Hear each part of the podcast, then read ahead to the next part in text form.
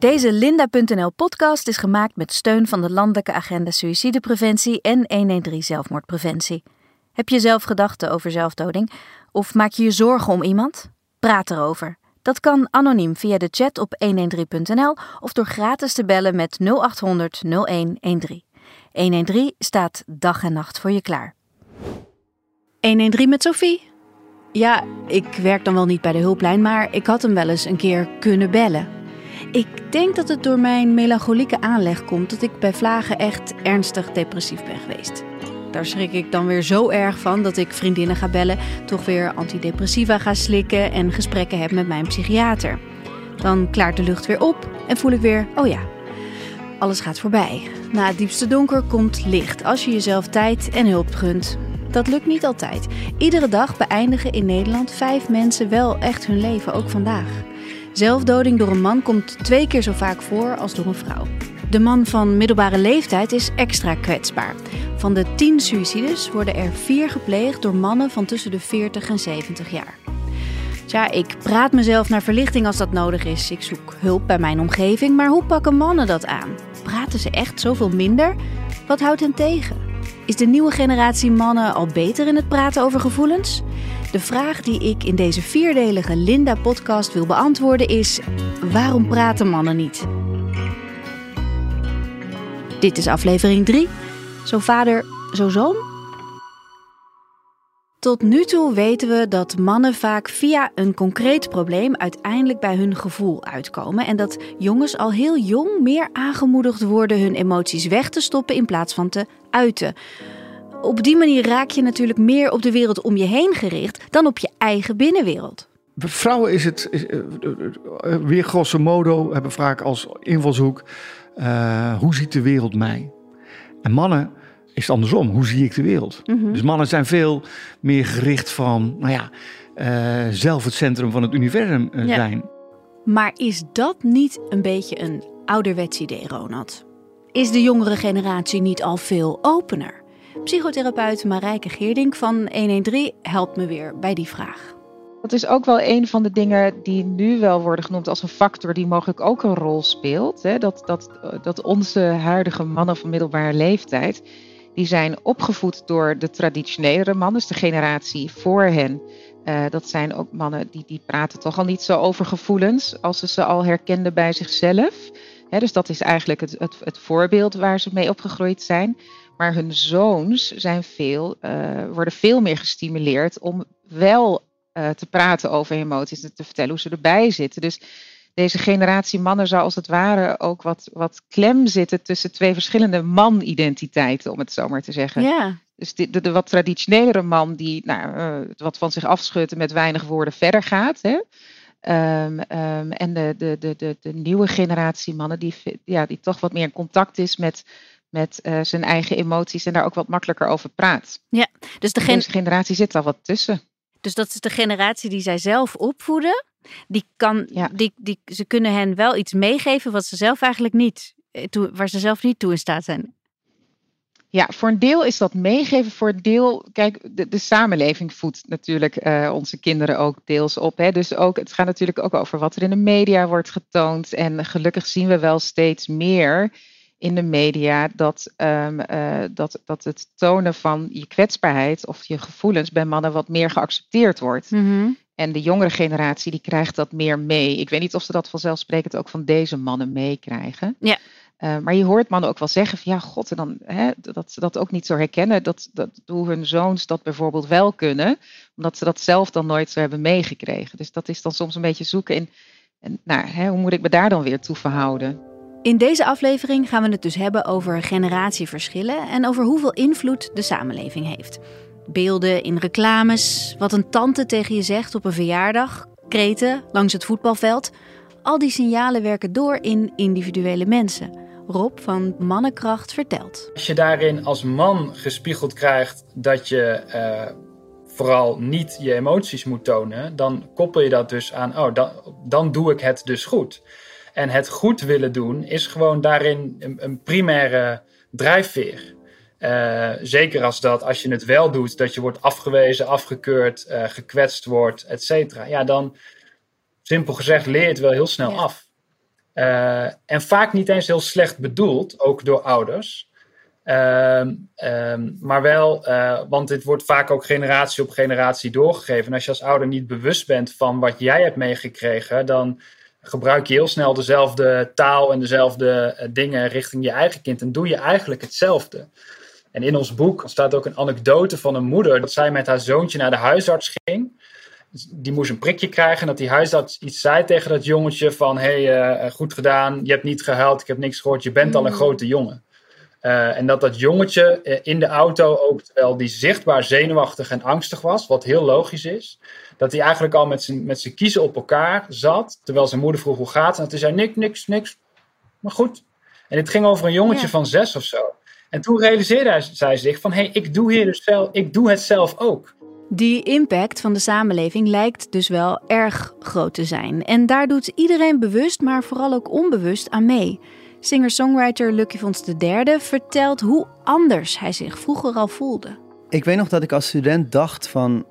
Ehm, is het normaal om jezelf gewoon, ja, gewoon zo slecht te voelen en zo eenzaam? Hm. Zouden andere mensen dat ook hebben? Of misschien uh, vraag ik te veel van het leven? Uh, vraag, ben ik te veel eisend in mijn verlangen naar geluk? Ik ben heel vaak naar dokters geweest ook. Mhm. van, en dan gingen ze mijn bloed testen of zo. En, en nooit was het van je hebt psychische problemen. Nee. Dus dat was, maar dat was ook, het kwam ook in mij niet op. Het woord depressie viel pas in mijn leven. Ik weet nog dat ik een, dat een dokter tegen mij het woord depressie gebruikte, was ik al 27. En toen zat ik al echt gewoon tien jaar mee te struggelen. En uh, ik weet wel dat ik nog op mijn 21ste een keer een gesprek had met iemand op een strand.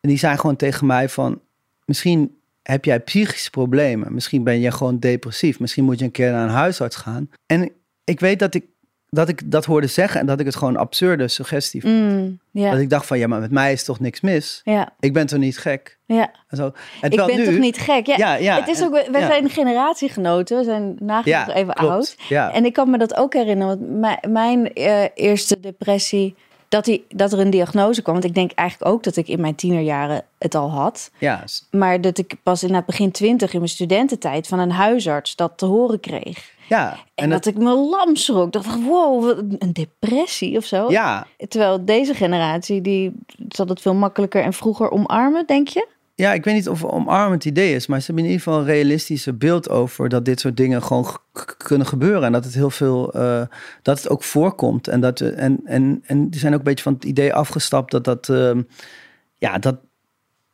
dat het iets is om over te zwijgen of zo. Mm en uh, in die zin zijn ze, lijken ze ook minder bang om zichzelf daarin kwetsbaar op te stellen.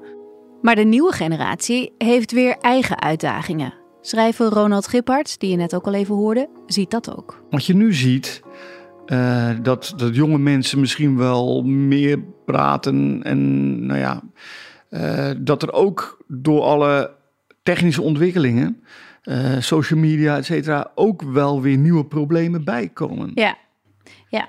En dat ook wel weer uh, openheid over mentale gezondheid een soort van hip is of zo. Dus dat je ook een enorme testimonial op je TikTok kan posten. Maar of dat dan echt ja. de kern raakt, of dat, of dat echt is, of dat het ook een beetje voor de bühne is, dat, dat kan je ook nog afvragen. Ja.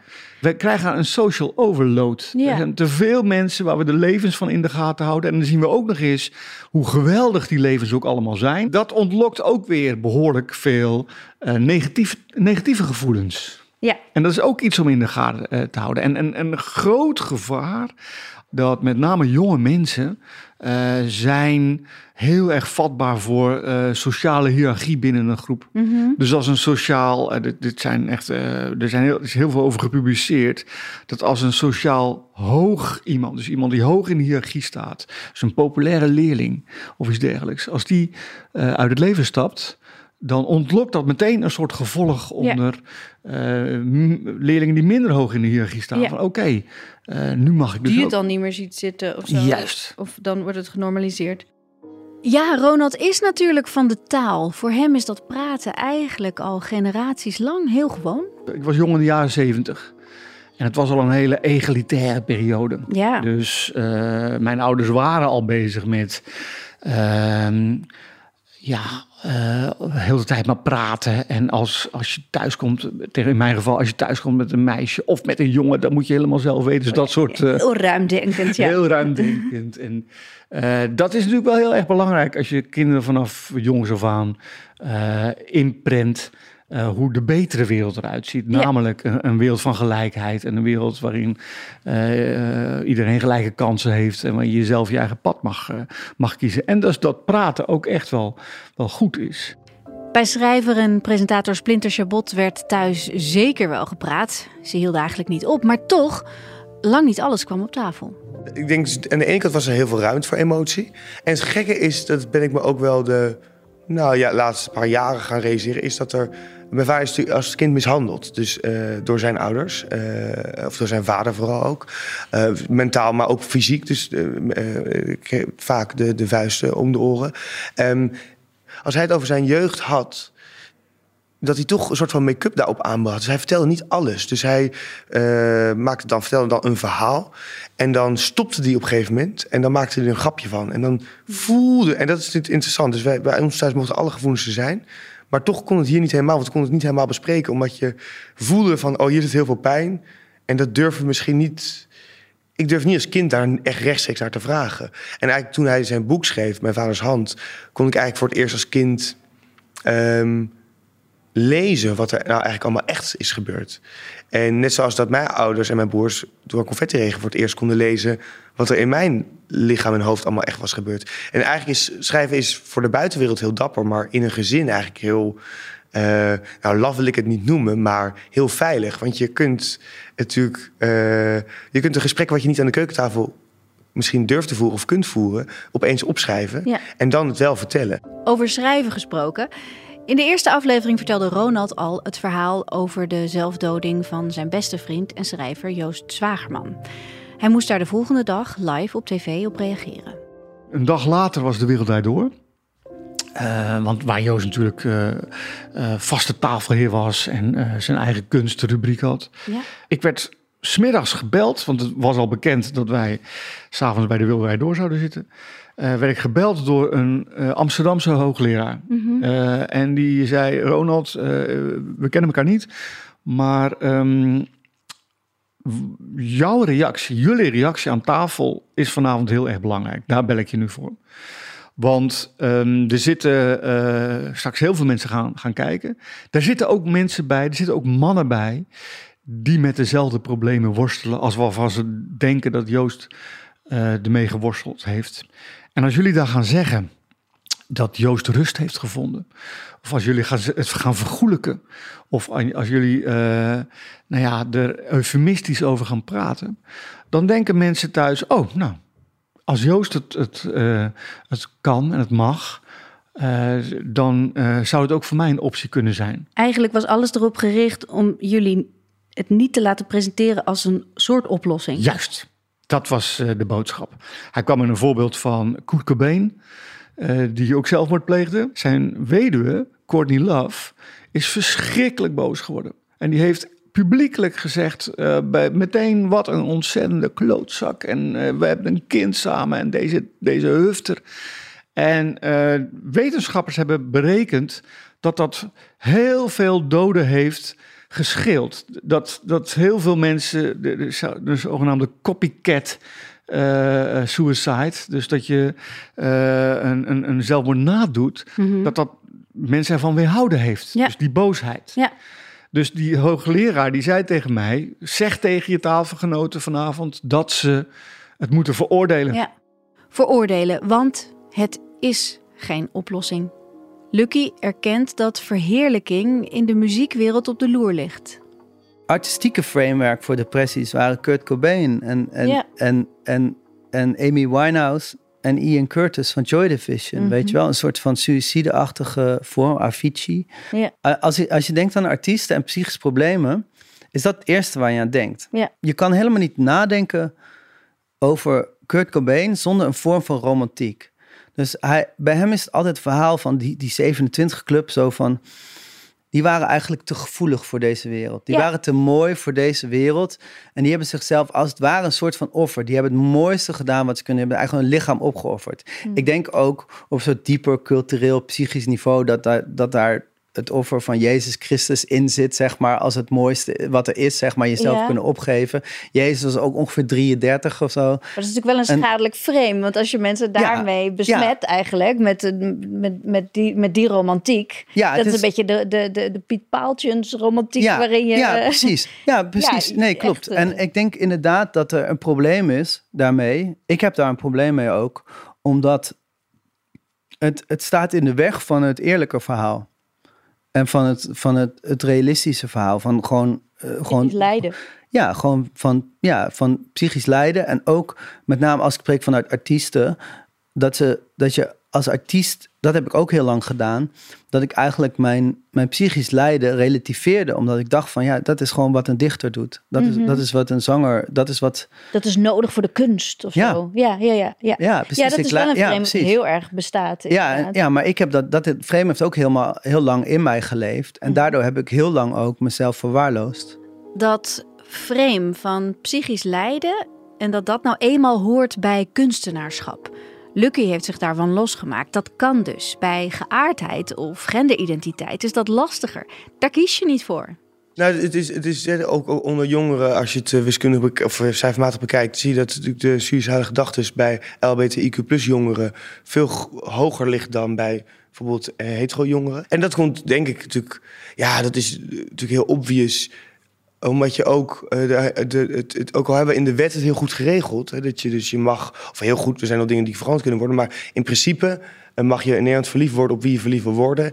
En, en eh, mag je iemand eh, met mag je hand in hand over straat lopen met wie je hand in hand over straat wil lopen. En noem maar op. Alleen de, dat wat je op papier opschrijft, betekent niet dat het ook in een klaslokaal of op straat of eh, in een bedrijf zo wordt gevoeld. Weet Ja. De, de, ik zeg het, de onzichtbare wetten, eigenlijk die er zijn bij de handeling van de ander, de ogen van de ander of de reactie van de ander, ja, die zijn natuurlijk veel sterker. En je, zeker als je jong bent, voel je heel goed aan wat wel of niet de bedoeling is. Ja. En wat wel of niet hoort te zaken. En voelde jij dus dat jij iets voelde wat niet de bedoeling was of wat Ja. niet hoorde? Ja, de, de, de, eh, ik weet nog als heel klein kind. Ik had altijd een, ik, mijn lievelingskleur is roze. Dus ja, dit, ik een ik vind het een hele mooie kleur. En, eh, en mijn, dus, ik zie met mijn broertje op de kamer. En mijn kant van de kamer was roze en zijn kant van de kamer blauw. En als er dan iemand langskwam, dan was hij altijd gevraagd: van, Oh, heb je ook een zusje?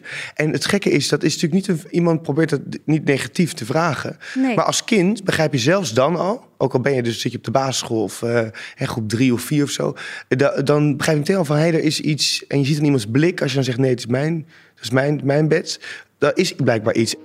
Door alle voorbeelden wordt het wel duidelijker, maar laten we even uitzoomen. Om te begrijpen hoe cultuur doorwerkt in de samenleving, vraag ik: wat is cultuur? Cultuur is zo'n breed begrip. Cultuur is niet alleen maar gebonden aan een land van herkomst, is ook gebonden aan. ehm, je hebt ook subculturen, hè, dus, dus religieuze eh, invloeden. Dus ehm, eh, cultuur kan bepaald worden door reli- religieuze overtuiging, kan ook eh, heel regionaal zijn.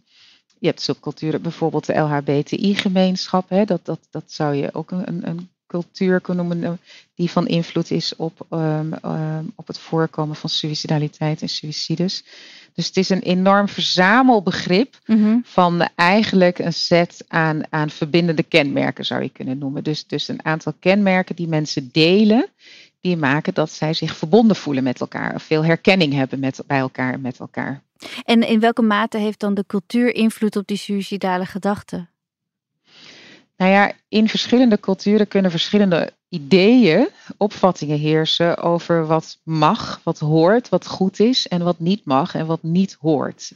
En die kunnen soms heel sterk zijn, omdat dat een hele sterke verbindende werking kan hebben. Hè? Wij vinden dit goed, wij vinden dat dit niet mag. Ehm, en zeker een onderwerp wat zo pijnlijk is als, het, als, als zelfdoding, eh, zie je in sommige culturen dat er hele uitgesproken gedachten over zijn. Maar je ziet ook dat bepaalde culturen ehm, eh, gevoelens van schaamte heel erg in de hand kunnen werken. Waardoor het bijvoorbeeld heel moeilijk kan zijn voor mensen om zichzelf te laten zien. Omdat dat mogelijk niet strookt bij ehm, eh, wat de cultuur passend vindt. Hè, dus de cultuur waar jij een onderdeel van bent. Waardoor je je gedwongen kan voelen om dat bij je te houden. Waardoor je Mhm. heel eenzaam kan gaan voelen omdat je bijvoorbeeld met een geheim rondloopt. Voor mijn omgeving was het geen geheim dat ik niet lekker in mijn vel zat. Maar depressief echt noemen als etiket daarop. Of misschien zelfs zeggen dat ik het leven überhaupt niet meer zag zitten. Daar sprak ik echt met bijna niemand over. Ik moet denken aan hoe Splinter dat omschreef. Ik deed ook alle deuren dicht voor haast iedereen. Alleen die laatste deur, die naar jezelf, blijft altijd open. Maar dan ben je daar dus wel heel eenzaam. Vandaar dat het zo fijn was om op het depressiegala voor een volle zaal en op tv erover te vertellen. Toen Joost Zwagerman overleed en iedereen over elkaar heen buitelde in shock en onbegrip, had zij een ander gevoel. Hoe kan zo'n getalenteerde, slimme, welbespraakte man nu uit het leven stappen, was de algemene gedachte. Zij dacht, oh ja, dat kan ook nog. Hoe de zelfmoord van een publiek figuur ineens iets kon losmaken in haarzelf, verwonderde haar. Objectief gezien was er geen enkele aanleiding om ongelukkig te zijn. Leuk werk, vrienden, lieve man, twee prachtige kinderen. En toch voelde ze zich al een tijdje zo leeg van binnen. Zonder woorden als iemand vroeg hoe het met haar ging. En ineens wist ze: ik ken deze onnoemelijke zwarte pool van verdoofd, leeg, niks. Dit is lang weg geweest. Oud-voetballer Glenn Helder had ook zo'n coming-out. ook als je ouder wordt, ga je wat meer nadenken ook. Hè? Die ruwe diamant, die, die wordt steeds wat eh, glanzender, zeg maar. Daarin zit ook verborgen dat eh, je makkelijker praat. Ik zelf praat heel makkelijk over alles. Want ik moet wel. Want iedereen weet het. Ja. je? Dus, terwijl anderen, als, het, als mensen niks weten, proberen ze het te camoufleren. Precies, die zitten nog in die fase Dus dat ik je zit, het onder ik, het zit, ik in een hele andere situatie dan de meeste mensen. Ja. Eh, omdat ik, eh, ik heb zo vaak gehoord van "Ah, Glenn, te gek dat je over durft te praten. En ook van andere voetballers. Ik vind het echt super dat je over durft te praten. Ik zou het niet kunnen hoor. Terwijl ik denk, ja, waarom zou het niet? Dat, dat zegt meer over de persoon zelf. Omdat ik vind van, ja, tuurlijk, schaam ik mij. Weet je wel?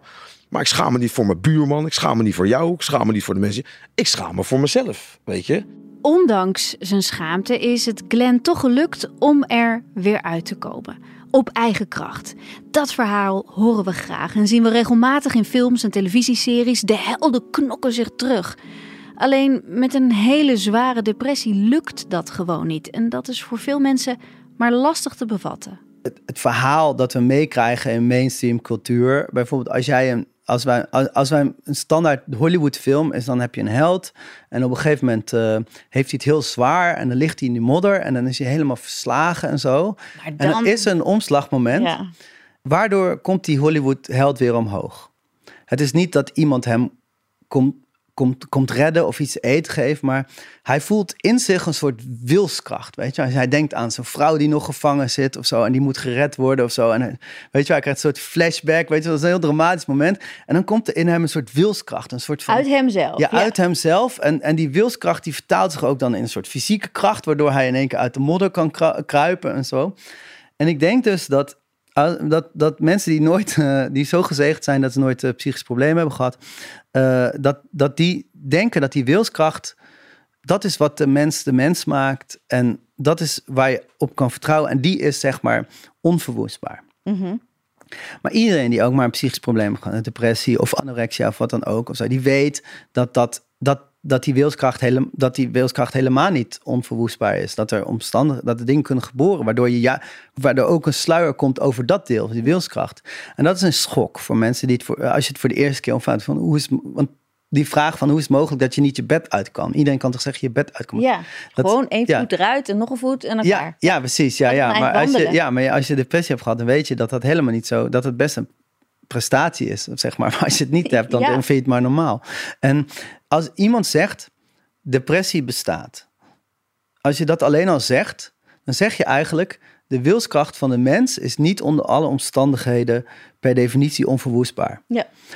En dat laatste druist al in tegen hoe we denken over, over hoe mainstream cultuur nadenkt over mensen en, En mannen in het bijzonder. Want mannen denken altijd van, ik, wil, ik weet wat ik wil en ik weet hoe, ik, hoe, hoe, het allemaal moet en Dat zo. is in ieder geval de bedoeling. Ja, wat, Ja. is dat ook... En zeker eh, oudere mannen die dus niet, eh, die, die eigenlijk, ehm, ik denk dat die in een, ook nog in een andere emotionele cultuur zijn eh, opgegroeid. Wat moeten we die oude, eigenwijze mannen dan meegeven?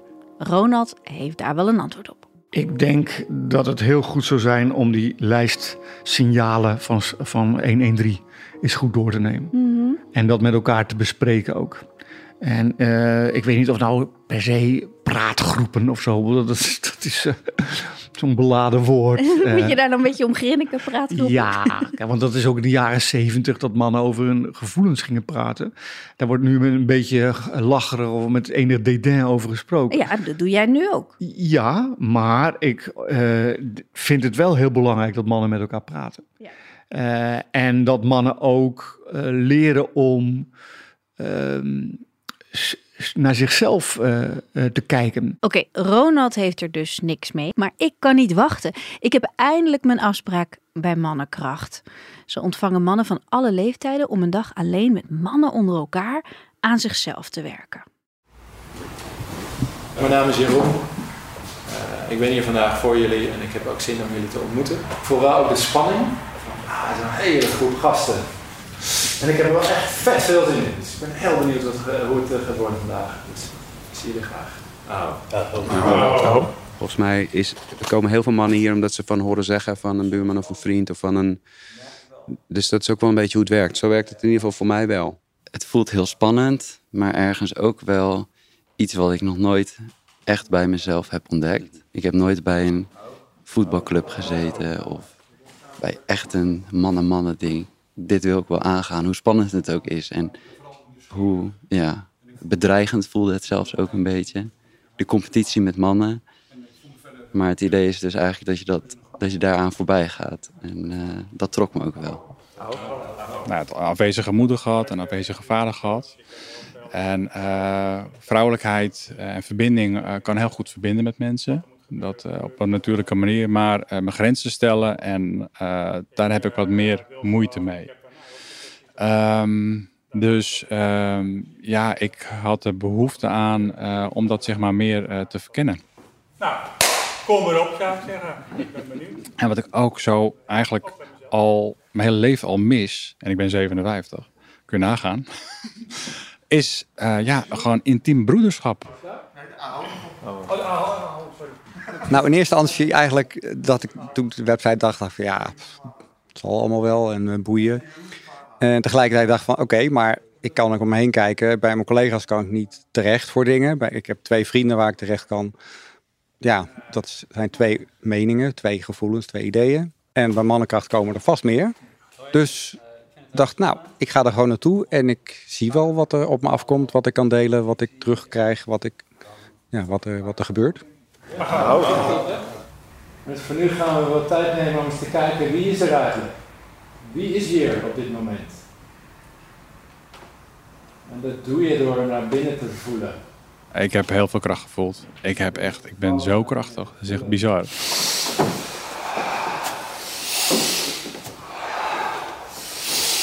Ook in alle oefeningen die we gedaan hebben, het boksen, het wegduwen. En ik was steeds, ik moest me inhouden.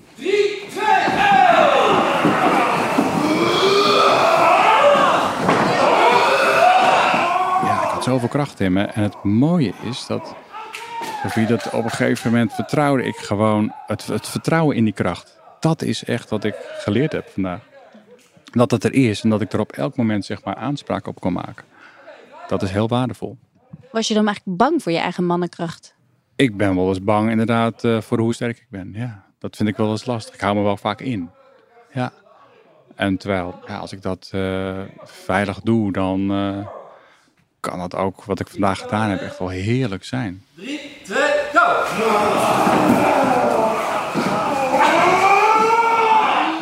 Ja, ik moet het nog even laten landen allemaal, denk ik.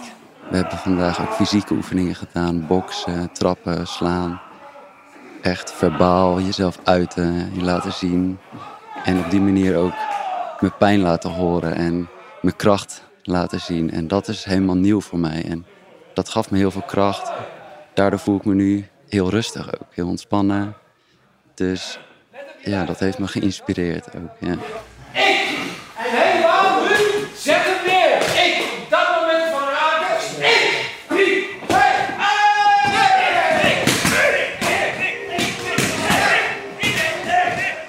Ik heb helemaal niks met vechten.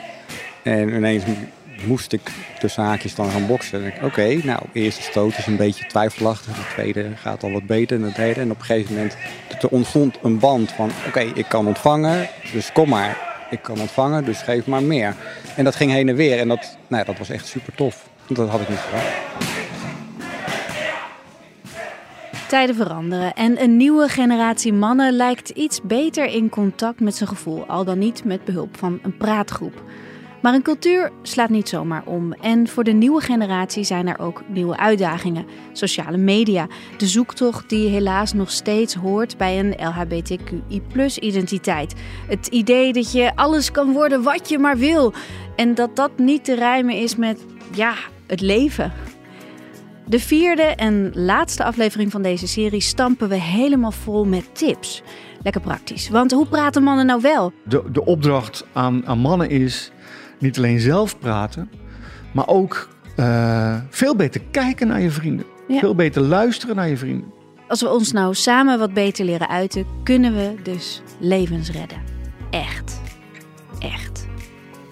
Dit was 113 met Sophie. Bedenk, het wordt lichter. Geef jezelf tijd. Tot de volgende keer. Deze Linda.nl podcast is gemaakt met steun van de Landelijke Agenda Suïcidepreventie en 113 Zelfmoordpreventie. Heb je zelf gedachten over zelfdoding? Of maak je je zorgen om iemand? Praat erover. Dat kan anoniem via de chat op 113.nl of door gratis te bellen met 0800 0113. 113 staat dag en nacht voor je klaar.